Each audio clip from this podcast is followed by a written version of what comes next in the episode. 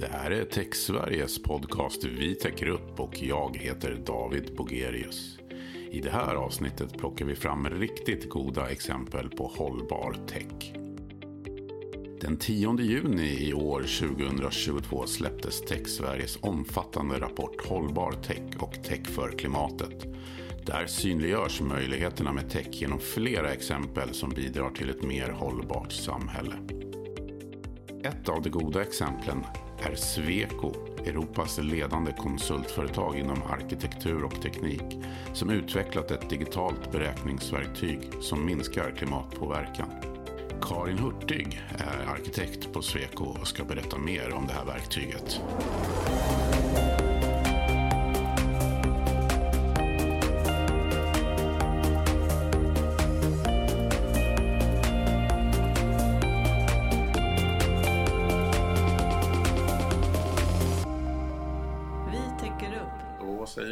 Välkommen till Karin Hurtig, arkitekt på Sweco. Välkommen till Vi täcker upp-podden. Tack så mycket. Kul att vara här. Hur står det till? Det är bra. Lite seg efter att ha varit eh, över Atlanten en vecka. Eh, så lite jetlag, men väldigt glad. Det var en spännande... Jag var på en techmässa, så att det var väldigt roligt att se vart branschen är på väg. Var det några spännande nyheter? Det jag var mest glad för och som jag var där för, det var väl lite hållbarhetsfrågan och den var ett av huvudtemana på den här techmässan. Mm. Eh, Så man ser att eh, hållbarhet börjar liksom verkligen komma in i, i digitaliseringen. Globalt också. Ja. Ja. Det är en amerikanskt företag var det som hade den här mässan. ja. Ehm, Jag hörde att du, du har varit med i en podcast, inte vår podcast, men en annan tidigare. Så inte podcastdebut. Nej, det, det är den andra gången. Det var en intern på Sweco. Eh, man har en global podcast som man gör för eh, en, en, eh, en rapport vi gör flera gånger om året som heter Urban Insight. Okej. Där man försöker ge just en global, utifrån olika teman, ge liksom hela Swecos bredd på hur man ser att det utvecklas och händer i världen. Så det är en ganska spännande. Den kan vara värd att kolla in helt enkelt. Ja, det tycker jag. Ja. Eh, Så jag tror man får gå in på Swecos webb och söka Urban Insight. Ja. Så kan man hitta det. Mm. Ett, ett bra tips. Ja. Kan du berätta bara lite kort om, om dig själv och ditt arbete på Sweco? Absolut. Jag är, jag är arkitekt, i grunden husarkitekt, har jobbat som det i 20 år. Och har gjort väldigt många olika typer av projekt. Ska jag säga. Det är väl det enda jag har haft som mål, att göra, lära mig nya saker. Nyfiken. Så att, eh, det har jag gjort och det är väldigt värdefullt för mig i min andra roll som jag har på Architects. Och det är på det här kontoret har jag eh, ett hållbarhetsansvar. Och med ett nationellt nätverk på Sweco också där vi jobbar med hållbarhetsfrågorna. Och där jobbar man ju väldigt högt och lågt så det är bra att vara med inne i många olika delar. Mm, mm. Ja, och du och, och Sweco är ju med i TechSveriges ganska nya rapport som kom precis innan sommaren här, Hållbar tech och tech för klimatet, där, där en av era tjänster lyfts fram som en hållbarhetslösning. Då. Kan du berätta lite mer om den? Absolut. Det är, apropå att göra olika projekt, så har jag det senaste dryga året varit en av två projektledare för det här eh, innovationsprojektet på Sweco, där vi har tagit fram en tjänst och ett verktyg för klimat och kostnadsberäkningar i tidiga skeden för byggnader. Och det kallas C3, Carbon Cost Compass.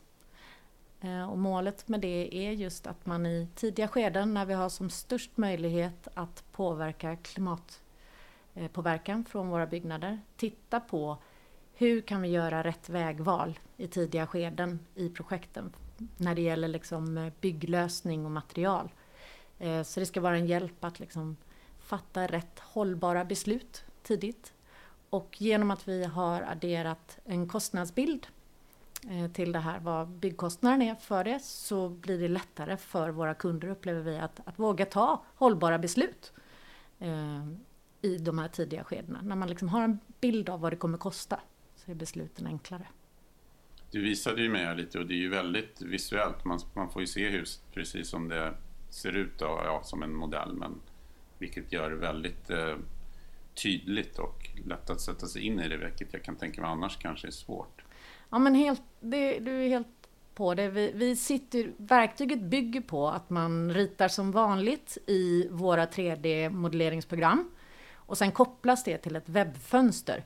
Och så har vi en koppling till en databas med klimat och kostnadsdata. Och det gör att man då har möjlighet att sitta direkt i det här webbfönstret tillsammans med en kund och sitta och laborera med att prova olika material och, och att, olika materiallösningar i byggnaden och se direkt hur det påverkar. Man kan bygga från, byta från en trävägg till en betongvägg eh, i, i, i modellen och så se direkt vad det har för utslag. Så att det har varit en viktig del i den här utvecklingen att det ska bli ett diskussionsunderlag, att man ska kunna få in flera kompetenser och diskutera utifrån samma bild. Mm. Snarare än som det annars har varit tidigare. Vi har gjort sådana här eh, beräkningar länge, men då får man ofta ut en pdf-dokument som är klimatberäkningen och ett pdf-dokument som är kostnadsberäkningen och det tar ganska lång tid att få fram dem. Så det här är liksom ett sätt att göra det snabbare och iterativt. Mm. Och det finns ju ganska mycket både pengar och miljö att spara in. Det gör ju det. Det är lite förvånande nästan hur, hur mycket vi kan spara. Och det vi ser som en fördel med att arbeta direkt i de här 3D-verktygen är ju också att det blir en direkt koppling till hur det vi gestaltar eh, faktiskt påverkar. Så att när man sitter och kan göra justeringar direkt i 3D-modellen på geometri eller våningshöjder eller eh, ja, överhuvudtaget hur gestaltningen ser ut och se hur, hur det direkt påverkar. Att eh, några kvadratmeter hit och dit eh, på totalen kan faktiskt göra stor skillnad. Mm. Eh, det här är, eh, det är ju ganska nytt verktyg. Och, men eh, jag har ändå förstått att det har väckt intresse och så. Har liksom den breda byggsektorn sett möjligheterna med verktyg? Alltså det har varit ett enormt intresse. Det är jätteroligt. Vi har haft jättemycket kunder som vill ha det här eh, visat för sig och som tycker att det är superspännande. Eh, vi fick för bara en vecka sedan ett pris mm. för innovation. Grattis! Ja, tack! Eh, och som sagt, vi blev inbjudna till USA och prata om det då där jag var förra veckan. Eh, så att alla ser liksom att det här är en väg framåt, att göra det enklare och snabbare och kunna titta på de här frågorna. Och vi behöver liksom vara snabba på bollen och vi behöver göra det enkelt, det får inte vara för komplicerat. Så vi har varit hos många och presenterat det här. Eh, och vi hoppas att vi ska få lov att använda det i många projekt. Och våra arkitekter och ingenjörer har ju möjlighet att sitta och, och öva med det redan nu. Så vi har en del projekt på gång redan. Och många kunder som vill liksom försöka hitta ett projekt som det här passar i att börja titta på. Mm. Det är jätteroligt. För vad jag har förstått så är ju byggbranschen det, det, finns ju på vissa håll ibland ett motstånd till nya lösningar. Det ska vara mm. som det alltid har varit och det har funkat och sånt där. Men det här mm. kanske kan vara ett sätt att överbrygga det. Ja, men det är väl förhoppningen. Och jag var just som sagt och hörde på föreläsningar och sa just det att konstruktion har ju ändrats väldigt, väldigt lite över otroligt lång tid. Och det är väl just det där att man, eh, det är lättare. Men det här kan ju bli ett sätt att får man igång en dialog tidigt och kan sitta med konstruktören så kan det ju vara en möjlighet att se nya lösningar innan det är för sent. För just liksom stomme i en byggnad det är en stor påverkan på klimatet och kostnaden. Och den är svår att ändra en bit in i processen. Men är du ute tidigt så går det och då kan du ju motivera det. Mm. Mm. Vad finns det för möjligheter att utveckla den här tekniken? Mm. Ja, det här var ett, vi tog ju fram det här som, nästan som en slags pilot och då bestämde vi oss, eller bestämde Sweco att vi skulle titta på byggnad. För att den var ganska tacksam att börja med. Men målet är att vi ska kunna göra det här över alla våra discipliner så att vi har pratat med alltså infrastruktur, att kunna ta in hur man, eh, hur man arbetar med mark och med vägar och med eh, olika ledningsgravar och alla de här delarna. Och sen även andra delar av hela stadsbyggnaden. Så, så visionen är ju att kunna ta in liksom helheten i samhällsbyggnad. Eh, och på så sätt också få överbrygga sådana här eh, silos som finns mellan olika liksom, områden och försöka förstå varandra utifrån olika perspektiv. Så vi har redan på gång vissa utvecklingsspår i det här att kunna arbeta med, med andra delar. Mm. Det är lite smått revolutionerande väl att kunna göra det på så stor skala? Ja, får vi till det här så är det ju otroligt spännande. För det är ju en, det är en trög och långsam och ganska kostsam process att ha alla delarna samtidigt. så kan man, och det är ju just det här, det är, den heter ju Carbon Cost Compass, för det här är ju liksom en kompass, det är liksom en första baseline i projekten, just för det här att staka ut rätt väg. Och det är ju viktigt, kan vi då få in fler, eh, fler områden i det här så kan det bli eh, stor effekt mm. på samhällsbyggnaden. Om man ser på digitaliseringens potential i, i stort, då, hur ser du på den här möjligheterna liksom att bidra till ökad hållbarhet i samhället? Ja, jag tror först det som jag nämnde att kunskapslyftet med digitalisering, att det kommer närmare den enskilda individen. Att se hur det man gör påverkar eller förstå hur det man gör. Ehm, men, eh, men det är också så att vi är också väldigt, det är väldigt tacksamt med siffror. Alltså allting som är siffror tar vi gärna till oss eh, och det har vi lätt att förstå. Och där tror jag att det är en stark del med digitaliseringen. Men siffror är dumma. Eh, det är, man måste alltid ha med sig kompetens för att tolka siffror. Så att det är liksom oerhört värdefullt att få snabba siffror, få siffror, men viktigt att, att man har med sig eh, kompetens som kan diskutera siffrorna och då blir de oerhört värdefulla. Eh, så att det, det är väl där jag ser att hela digitaliseringen kombinationen digitalisering och erfarenhet och kunskap kommer liksom nå väldigt långt. Det roliga är väl att det sker så otroligt mycket på bred front idag. Jag menar, vi är ju inte ensamma om att titta på sådana här verktyg. Mm. Men det är väldigt svårt. Alla drar lite olika riktning och alla trevar sig fram för det är ju så ny kunskap och jag tycker bara det är positivt. Ju mer vi kan liksom stötta varandra och trigga varandra till att uh, göra saker bättre, det tycker jag är, är oerhört spännande. Och jag skulle gärna vilja, jag blev väldigt nyfiken på som när ni pratar om er rapport, att liksom börja kika lite på hur jobbar andra branscher? Mm. Kan vi ta lärdom från dem? Eh, att liksom tänka lite utanför boxen sådär för att hitta nya vägar. Ja. Det ska vara kul. Men känner du att det är en sund konkurrens där det finns vilja att samarbeta om man ser, eller är det att man liksom håller det för sig själva för att jag tycker nog att det finns en jättebred vilja Eh, i varje fall arkitektkåren som jag liksom springer på mycket så är det ju väldigt mycket liksom gemensamma satsningar, olika nätverk som byggs där många är med och bjuder på sina lösningar och visar upp sådana här lösningar och, som folk kan få idéer av. Så jag, på så sätt är det ju. Sen är det klart att rent affärsmässigt så finns det väl alltid någon konkurrens. Mm. Eh, men å andra sidan tror jag att det är bara är en, en bra konkurrens. Mm. Eh, den sporrar oss att liksom driva utvecklingen. Ja. Och när man ser till hållbarhetsmål och så där, så är ju de på ett sätt gemensamma. Yeah. Och då är det ju extra bra om det finns liksom ett samarbete för att uppnå dem. Ja. Och det blir också en mycket bredare diskussion för liksom det är, det, vi har ju många globala hållbarhetsmål och det är ju så tydligt just i samhällsbyggnad att liksom väldigt många av de globala målen faller ju in under samhällsbyggnad, inte bara liksom den fysiskt byggda eh, miljön. Så att vi når ganska långt genom att, förenkla och förtydliga och föra liksom diskussionen så att kunskapen blir bredare hos alla. Ja. Jag såg att ni hade nere vid receptionen hade ni de här Agenda 2030-klossarna med yeah. de 17 målen. Så. Ja, men de är ju väldigt tacksamma fortfarande. Liksom är de väldigt bra att liksom identifiera frågor och att kunna liksom lyfta olika liksom aspekter i olika projekt. Vad, både vad vad kunder och brukare tycker är viktiga mål och arbeta från det men också vilka delar man kan påverka mest genom sina projekt. Och det får ofta, ofta när vi använder dem så, så kan det liksom bli lite ögonöppnare för delar som man kanske inte har tänkt på. Mm. Och det är värdefullt. Och ge lite vägledning ja. kanske när man ser vad andra har gjort i samma... Absolut. Och sånt. Ja. Ja, men, eh, stort tack Karin för att ja. du ville vara med i Vi täcker upp-podden. Ja men jättekul att få vara med. Nästa goda exempel är Prototyp som beskriver sig som ett kodlabb som bygger digitala produkter för bolag som vill bryta ny mark. En av grundarna heter Pontus Österberg. Då hälsar jag Pontus Österberg, medgrundare på Prototyp. Varmt välkommen till Vi täcker upp-podden. Tack så mycket David. Kan du inledningsvis berätta lite om, om dig själv och eh, ditt arbete på Prototyp?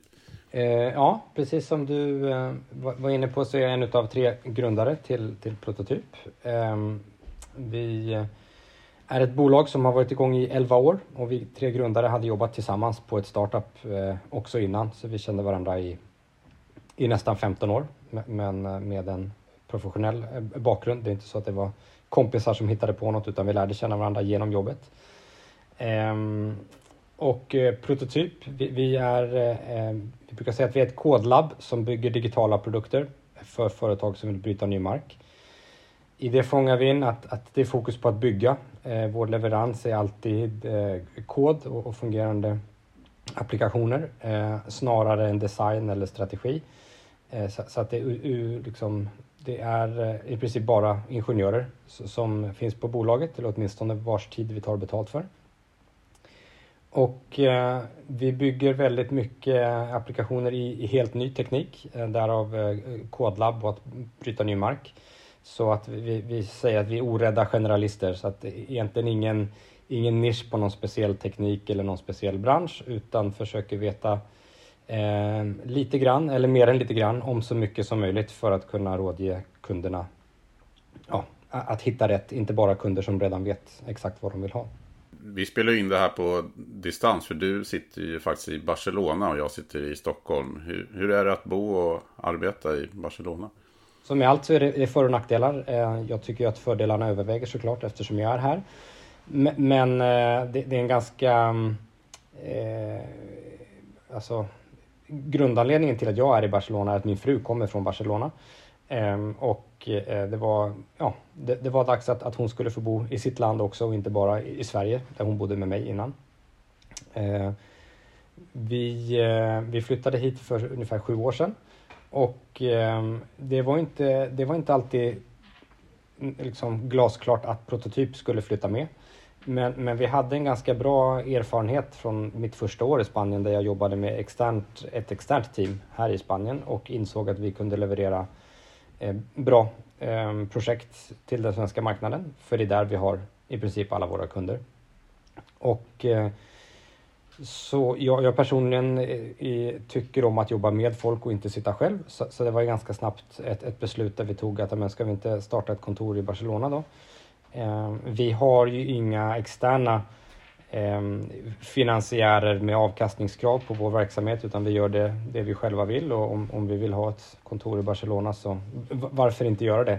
Så gick eh, tankegångarna då. Eh, sen är det ju också, vi är ett ganska ungt företag, många unga medarbetare. Barcelona är en väldigt, väldigt attraktiv stad för, för svenska, unga svenskar. Eh, så så det, det, är klart att, att det bidrar till att liksom öka lite grann attraktiviteten i oss som arbetsgivare att vi har ett kontor i Barcelona där man är fri att komma ner eh, och jobba ifrån. Man behöver, behöver inte ta semester för att faktiskt få, få lite semesterkänsla.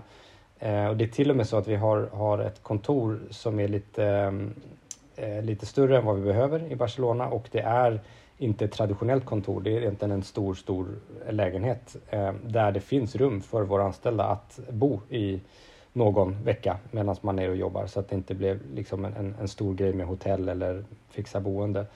Eh, och det, det uppskattar och utnyttjar våra anställda. Eh, så att det är en liten, det är en liten perk till våra anställda snarare än att det är eh, liksom en, en attack av den spanska eller sydeuropeiska marknaden.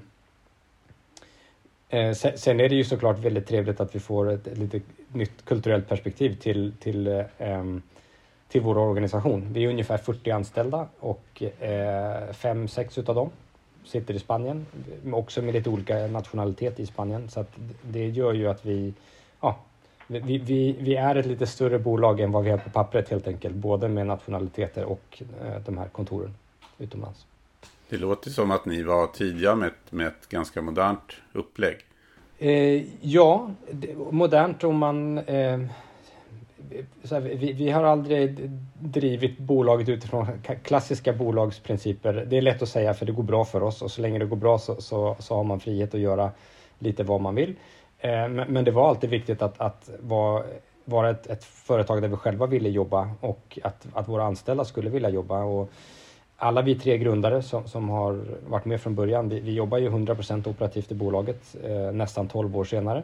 Så att att vi är ett bolag där vi själva vill jobba, det, det, det kan vi väl um, eh, bocka av och, och sen så tror vi att det är attraktivt för våra anställda också. Och det är ju så, vi är ett kunskapsintensivt företag. Ju längre våra anställda stannar hos oss, desto, desto större blir värdet eh, för oss som bolag. Så att det finns ju en del eh, ja, liksom affärs, affärskritiska delar i en sån grej också.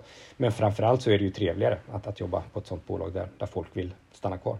En prototyp eh, medverkar ju i Tech Sveriges rapport Hållbar tech och eh, Tech för klimatet mer tekniska lösning för att effektivisera den industriella processen vid en av stora Ensos anläggningar. Kan du berätta lite mer om, om den eh, lösningen? Precis. Det, det, eh, Eh, det, är ett projekt som har finansierats av Vinnova eh, i två omgångar. Eh, där, ehm, liksom den riktiga tunga insikten eller, eller ehm, kunskapen sitter hos ett team hos Chalmers med, med en processor, professor som är världsberömd i sitt område inom reglerteknik, just inom ehm, massatillverkning. Och eh, de, de, har brottats länge med, eh, ja, dels är de en, en institution som bedriver forskning snarare än innovation kanske, men en frustration över att det, det stannar vid forskning, att, att, att eh, att, att många bra idéer och, och mycket stor potential går outnyttjad för att det, det, det liksom stannar på forskningsstadiet. Eh, så det är det som är tänk, tanken att det här då ska försöka komma förbi med, med det projektet och den applikationen vi har utvecklat. Ehm, och det är en, ja, enkelt beskrivet så är det en applikation som, som eh, visualiserar status på en himla massa olika eh, sensorer som finns ute i pappersbruken. Eh, de här sensorerna har Dels är pappersbruken ganska gamla så att de, de, kan ha stått i många, många år och, och, det är väl som med de flesta sensorer, höll jag på att säga, eller signaler vi får om man inte agerar på dem ehm, och inte upplever att, att det gjorde någon större, större skillnad om man agerade på dem inne så, så glömmer man bort dem till slut. Eh, men det finns en massa information där att, att hämta och det, det, är det som den här professorn har då specialiserat sig på i sin forskning. Att om vi faktiskt tar, tar in all den här informationen som, som sprutar ut från alla sensorer hela tiden, varenda sekund, så, så kan vi optimisera våra processer och, och egentligen med mycket mindre energiåtgång eh ehm, prestera samma resultat eller till och med bättre. För, för det, det, det, är två syften med det här projektet. Det ena är att minska energiförbrukningen eh, vid massatillverkning och det andra är att, att höja kvalitetsgraden och kvalitet i det här fallet är, pratar man om, om variabilitet i, i någon, ja, om det är någon fiber... Eh, jag, jag ska inte gå in exakt på vad på det, men, men jag vet att man försöker minska liksom, avvikelserna i produktionsprocessen. Um, och det som är spännande med det för mig ur ett sustainability eller hållbarhetsperspektiv är såklart att, att eh, massafabrikerna i Sverige, de står för 15 procent av hela Sveriges elförbrukning. Otroligt stora energimängder som går åt eh, i vår massatillverkning. Och, och bara med någon eh, ja, jag ska inte fastna i någon sifferexercis med, med terawatt och gigawattimmar, men, men, men bara kapa någon liten procent såklart i en optimiseringsflöde så har vi större impact som bolag än vad vi någonsin skulle kunna göra, även om alla våra anställda gick hem och, släckte, och släckte ljuset och värmen för evigt, eh, eller i andra sammanhang. Och det, det, är väl så vi ser också på, på, på, på eh, hållbarhet utifrån ett företagsperspektiv, att vi vill vara en förebild eh, både som företag och eh, för andra företag och för våra anställda.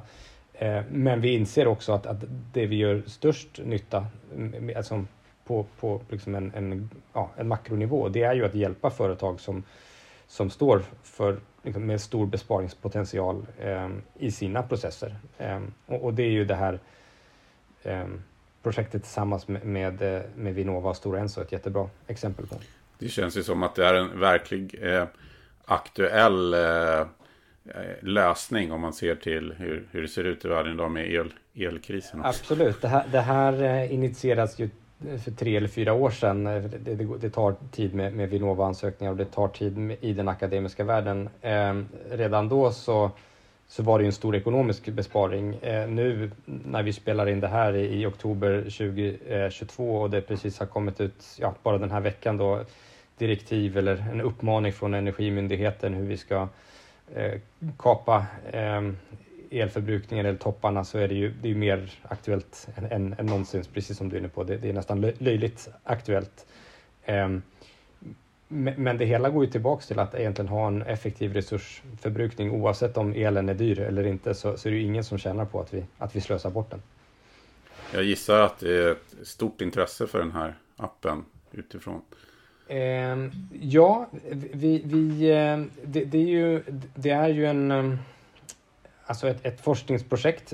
Så det, det Eh, det är inte så att vi springer runt och, och, och får massa, ehm, eller, eller, jagar pengar hos riskkapitalbolagen till exempel och så vidare. Och det, det är också en, en marknad där, där det finns eh, stora industriella spelare som redan håller på med energieffektivisering såklart. Det här är inte något som den här professorn är först, eh, först med, eller vi som bolag med först med att hjälpa till. Det, det vi hoppas kunna bidra med är ju eh, kanske mer liksom, ehm, ja, den, moderna tekniken och de moderna applikationerna att göra det lite enklare att förstå att faktiskt agera på de här besparingspotentialen. Ehm, och ehm, ja, Eh, få till det. Sen är det ju eh, det ska man också ha med sig, det är en stor industri. De, de, de eh, har jobbat med energieffektivisering i många, många omgångar och det finns väl som i alla, alla stora organisationer en viss ett trötthet inför att behöva ändra på sig, att behöva mäta eller nu ska vi göra det här igen. Och, och um, jag, jag kommer ju med en bakgrund faktiskt, eh, i varje fall en akademisk bakgrund inom eh, produktionsplanering och eh, har själv bott i Japan och är ett stort fan av den japanska tillverkningsindustrin och deras sätt, eh, liksom angreppssätt med kontinuerliga förbättringar. Eh, men är också ödmjuk inför att, att det, det tär på, på medarbetaren som ständigt ska behöva ändra på sig eller behöva eh, förbättra processer. Så, så, så, så, ja och nej. Vi hade önskat att det var ändå större eh, intresse faktiskt för lösningen. Eh, Ehm, men som, som, du säger, det, det är en, en, en, fantastisk timing med, med eh, elransonering, höll jag på att säga. Nej, I princip elransonering i korten, jättehöga elpriser. Så att det, det, det måste få ehm, en stor genomslagskraft. Det finns inget annat alternativ tycker vi. Hur ser du på techbranschens eh, potential att, att eh, bidra till, till en ökad hållbarhet brett i samhället? Eh, jo, men jag, jag ser ju definitivt att det är den här typen av projekt som, som vi är inblandade med med Vinnova, där man försöker optimera en redan existerande process. Eh, det är klart att det är jättebra om vi kommer på en, en, process där vi inte behöver energi alls för att framställa papper. Men, men det är kanske inte eh, vi i digitaliseringslinjen som kommer stå för den innovationen, utan det, det, är industrin själva. Däremot så kan vi hjälpa till att, att plocka bort en, en hel del av de här Ehm, ehm, ja, det, det slöseri eller, eller ineffektiva processer som, som eh, finns idag. Eh, och, och eh, vi jobbar faktiskt med två stycken svenska eh, modeföretag, ett, ett väldigt, väldigt stort och ett litet med olika typer av cirkulära projekt eh, eller projekt där man anpassar produktionen, det vill säga att, att det är made to order istället för made, made to stock. Eh, och där finns det givetvis en jättestor potential att, att, att vi bara gör den typ, liksom, den, det plagg som det faktiskt finns en efterfrågan för. På samma sätt som det har varit med bilindustrin i de senaste 30-40 åren. Eh, och, eh, och, och, cirkulariteten också såklart att, att, vi, att, att, att plaggen används, att det inte är så att vi, vi bara trycker ut största möjliga mängd plagg. Eh, och, och, det är ju ganska mycket informationsproblematik eller digitalisering som, som, vi kan lösa med digitalisering. Alltså hur ser vi till så att rätt information kommer fram eh, och, och, att det är faktiskt den efterfrågan som, som styr. Eh, så där ser jag en jättestor potential såklart. Okej, eh, stort tack eh, Pontus för att du ville vara med i Vita podden Det var oerhört intressant att höra dig berätta om prototyp och era projekt. Tack så mycket David, jättekul att vara här och jag hoppas att det är, ja, att det, att det är någon som får med sig någonting av, av, eh, av eh, det vi gör. Avslutningsvis ska vi då få lyssna till Frida Faxborn som är TechSveriges näringspolitiska expert med fokus på hållbarhetsfrågor.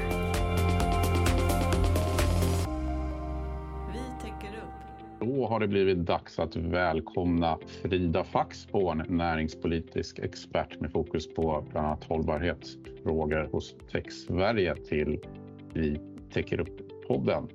Hej Frida! Hej David! Tack för att jag får vara med ytterligare en gång här. Väldigt kul. Vi har nu lyssnat på två goda exempel på hur tech kan bidra till klimatet inom tillverkningsindustrin och bygg och fastighetsbranschen. Två exempel som även lyfts i Tech Sveriges hållbarhetsrapport Hållbar tech och tech för klimatet. Frida Faxborn, har du några spontana tankar eller reflektioner kring dessa? Ja, men självklart. Alltså Karin och Pontus eh, har ju gett två fantastiskt bra och konkreta exempel eh, Eh, här som visar på ett väldigt enkelt sätt hur digitaliseringen är ett så viktigt verktyg i så många olika sektorer för att de ska kunna minska sin miljö och klimatpåverkan. Så det var jätteintressant att lyssna till dem båda. Om man tittar på Sweco så är det ju ett visuellt verktyg som blir så konkret för de som befinner sig i bygg och fastighetsbranschen och som gör liksom att man kan göra de rätta materialvalen i rätt tid i processen. Och som hon sa så har de ju även nått utanför landets gränser så vi stärker på så sätt även svensk konkurrenskraft. Så det är liksom win-win. Eh, Pontus och, och prototyp eh, då kopplat till industrin så Alltså digitala verktyg är ju helt avgörande i produktionen inom tillverkning och industri, men att också förstå hur man kan minska sin energiförbrukning och samtidigt effektivisera processerna i produktionen genom att nyttja data som man redan har och får via de här sensorerna. Och hur att det kan ge så stora effekter på el och energiproduktionen vid bara ett bruk. Det är ju otroligt eh, spännande att höra om. Ehm, jag tror att vi i rapporten skriver att just vid det här bruket så handlar det om en 3 till 5 i minskning, eller om Pontus säger det, jag blir lite osäker, eh, av årsförbrukningen av elen vid just det här bruket och det motsvarar då 2000 till 4000 normalvillors årliga elanvändning och jag tycker det säger ganska mycket. Och då pratar vi som sagt bara om ett bruk. Så jag tycker det är jätteintressant hur just en eh, relativt enkel lösning då kan ge så stora effekter i industrin eh, eller industrier som står för en så stor andel av energiförbrukningen totalt. Och det samarbetet är så otroligt viktigt att nå ut med. Och som Pontus sa så är det ju så här löjligt aktuellt. Elpriser och besparingar och till och med produktionsstopp som man pratar om idag. Eh, det är ju liksom reellt och, och här och nu frågor för så många olika företag och industrier idag. Så om det så handlar om att, eh, om att optimera redan befintliga processer eller lösningar eller att komma med helt nya lösningar så, som förhoppningsvis då kan leda till helt nya beteenden och därmed helt undvikna utsläpp i olika delar framöver så är det digitala verktyget helt avgörande. Och om man förstår det och ökar sin kunskap om det då kanske man också vågar mer och blir mer nyfiken och testar nya lösningar och att, att, att våga närma sig det nya helt enkelt. Så det är också ett väldigt viktigt syfte med vår hållbarhetsrapport. Att sätta fokus på det och informera och inspirera till förändring. Ja, verkligen. Har, har du några andra reflektioner kring intervjuerna med Karin och Pontus? Ja, men jag tycker det är ljuv musik i mina öron att uh, få höra Pontus och Prototyps arbete med att uh, stödja cirkularitet av varor och onödig produktion inte minst också viktigt för oss som bransch att kunna synliggöra hur de här digitala lösningarna bidrar till att produkter kan användas mer och att man inte tillverkar mer än vad som faktiskt behövs, som det, som det då finns ett konkret behov av. Och han nämnde ju ett samarbete där inom modeindustrin som ju också har ett väldigt stort klimatavtryck, så det är jätteviktigt och jättekul att han, han berättade även om det. Eh, och som du sa så är det här två exempel på ja, goda exempel inom två stora utsläppssektorer, då industritillverkning och byggfastighet. I rapporten så har vi även fler exempel kopplat till livsmedelsproduktion, transportsektorn, energisektorn och offentlig sektor. Och Karin pekade även på, på det här kunskapslyftet att det är viktigt att förstå hur digitalisering kan användas för, för de här ändamålen. Och jag vill liksom understryka just det syftet med rapporten, att, att få fler att förstå de här möjligheterna och att bli mer konkreta i att ge den kunskapen. Och då har vi i rapporten bara lyft sju exempel. Och de kan skalas och spridas till fler och till fler branscher. Och det är ju det fina med digitala verktyg, att de lätt kan stöpas om för att användas i andra och inom helt nya områden. Så det finns väldigt mycket mer intressant att ta del av i vår rapport kring, kring detta.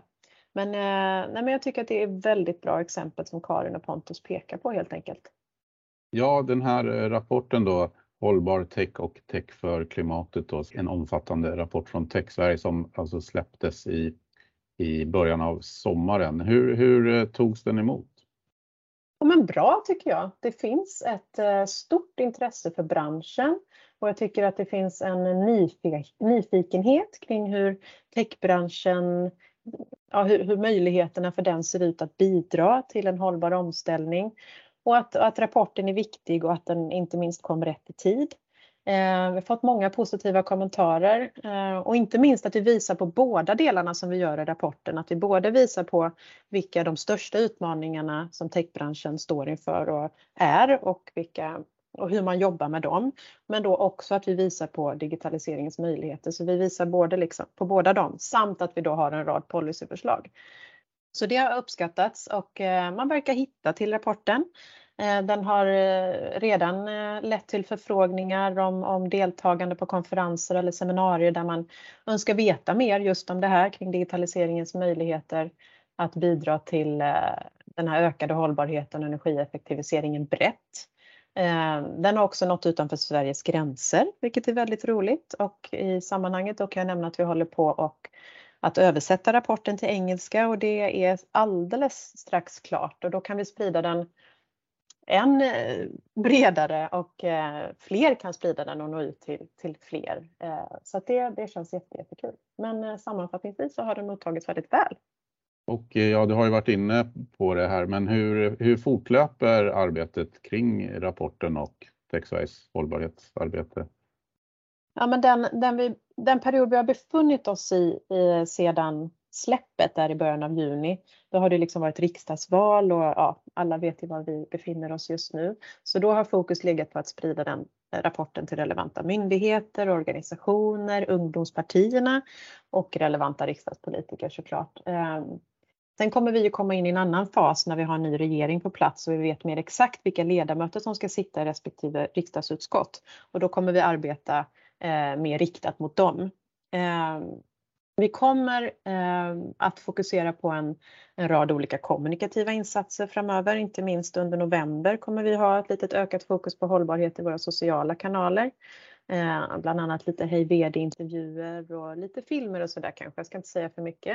Jag ska inte ta den eh, spänningen ifrån er här.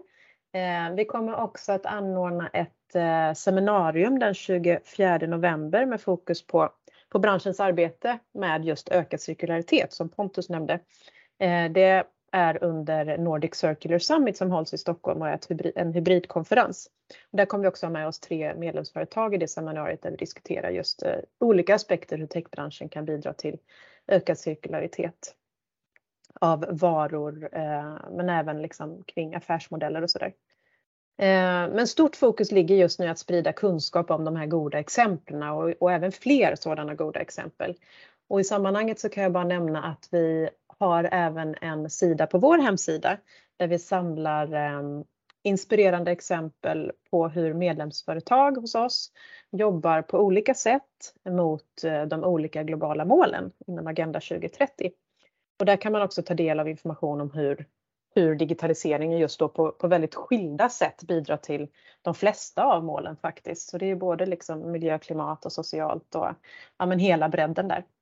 Men, men eh, ja, stort fokus på informationsspridning för att påskynda den här kunskapen och kopplingen till digitalisering för en grön omställning. Ja, och på TechSveriges eh, webbsida techsverige.se finns ju förstås då även hela rapporten Hållbar tech och Tech för klimatet. Just det, den hittar man till överst i, i eh, listan där. Väldigt enkelt att hitta dit. Ja, eh, men eh, stort tack Frida Faxborn för att du återigen ville vara med i Vi täcker upp-podden. Det är en ära. Tack själv David.